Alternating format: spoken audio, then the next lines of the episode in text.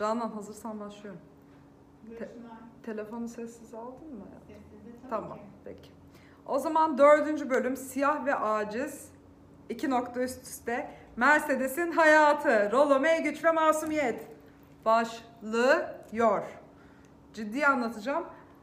Çok kısa bir bölüm olduğu için de bol bol ben konuşacağım. Çünkü neden? Çünkü bölümün genelinde Mercedes'in kendi problemlerine ve Rolome'nin nasıl çözümlemeler yapıldığına, bu konu yaptığına bu konuyla ilgili yer verilmiş. Adam kendi tecrübelerinden bahsetmiş ve kadının özel hayatındaki sorunlarının sembolik olarak neye tekabül ettiğinden bahsetmiş. Bizim bunu incelememiz için aslında öncelikle kadının problemlerini bilmemiz gerekiyor. Fakat bunları en ince detayına kadar not almadım. Etraflıca şöyle özetleyecek olursak kadınımızın küçükken uğradığı bir e, bir e, taciz plus tecavüz durumu var. Üvey babası onu 10 yıl boyunca satıyor. 11 yaşından 21 yaşına kadar.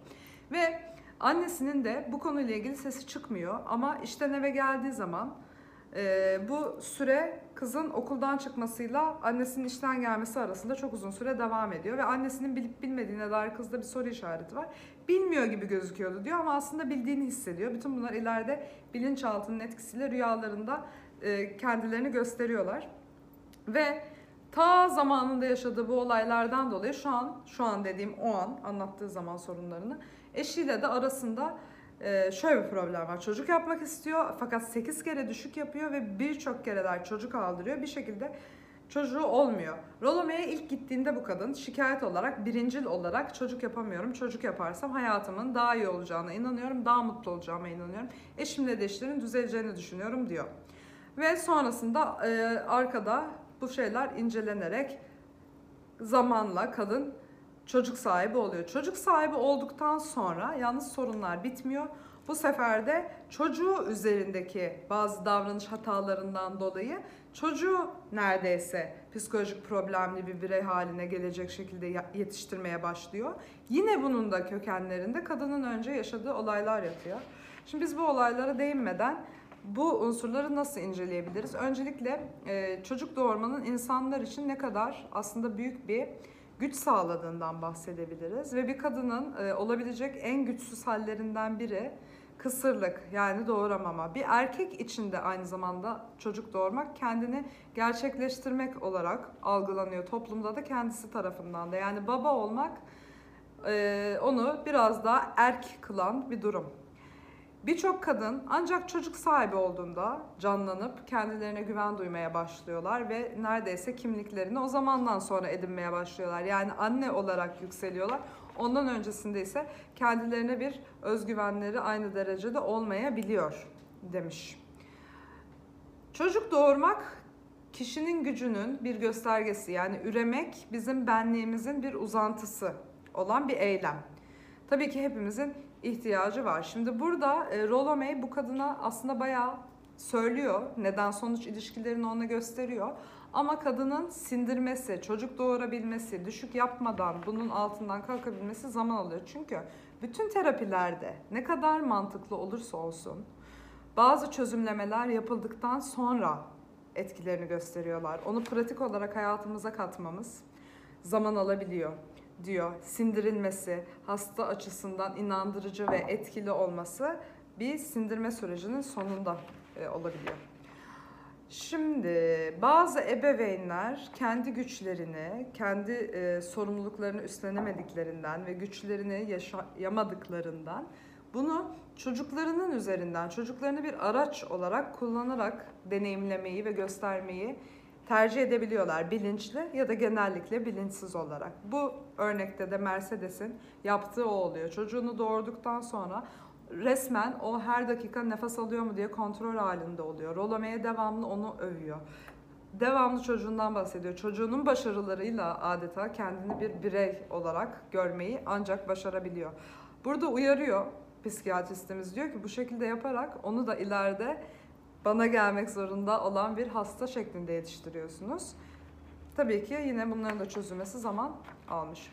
Bazı durumlarda mesela şu anki gibi geçiş dönemlerinde insanların güçsüzlüklerini kabullenememesi, onları kendilerinden daha yüce bir şeye yine sığınma ve bir mucize bekleme durumuna itiyor.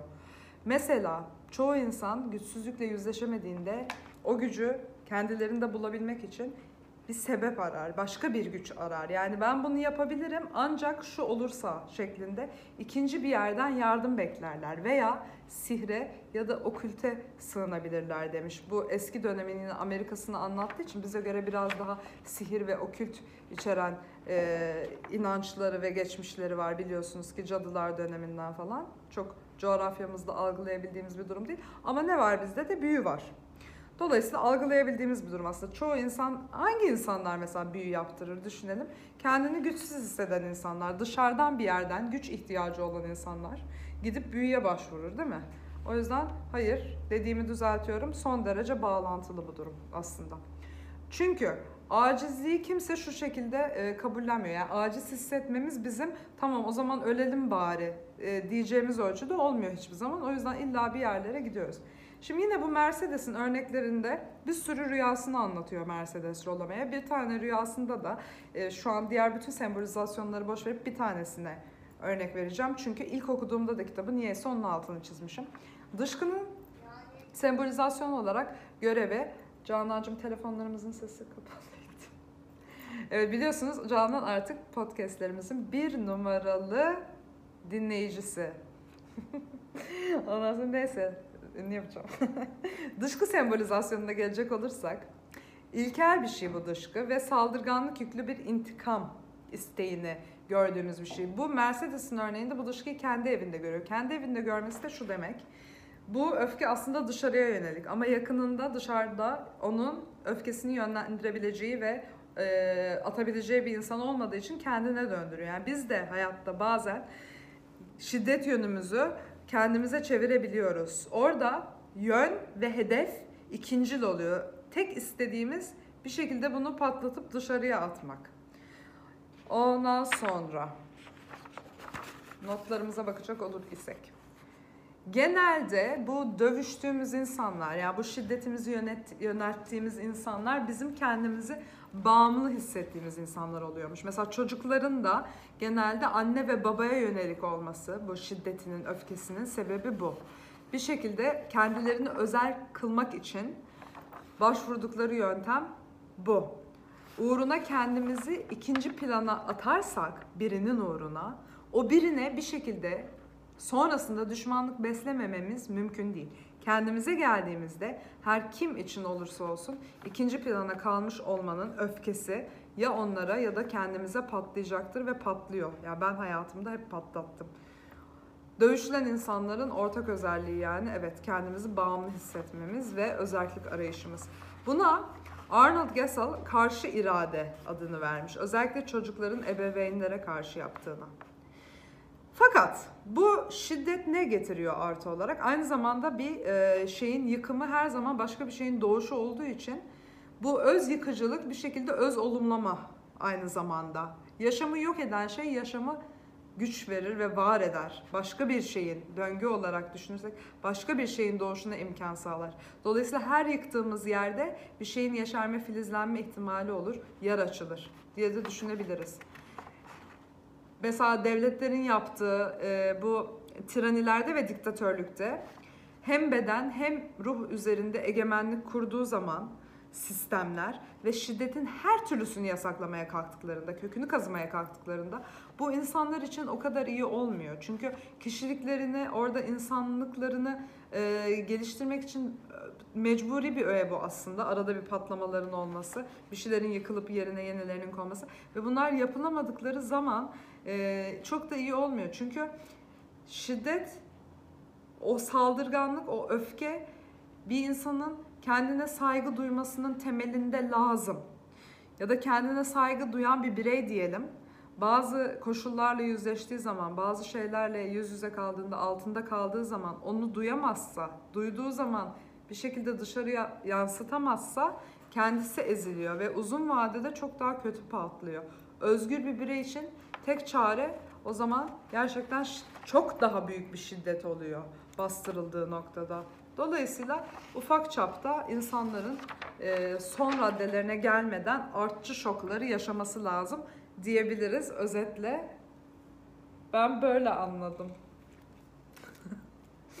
Nasıldı? Bu biliyorsun kısa bir bölüm. Henüz kapatmadım ama ya sen nasıl buldun? Kapatıyorum. 3 saat sonra detaylı detaylı Canan'a işte bak altını çiziyorum. Burada bunu demek istemiş falan.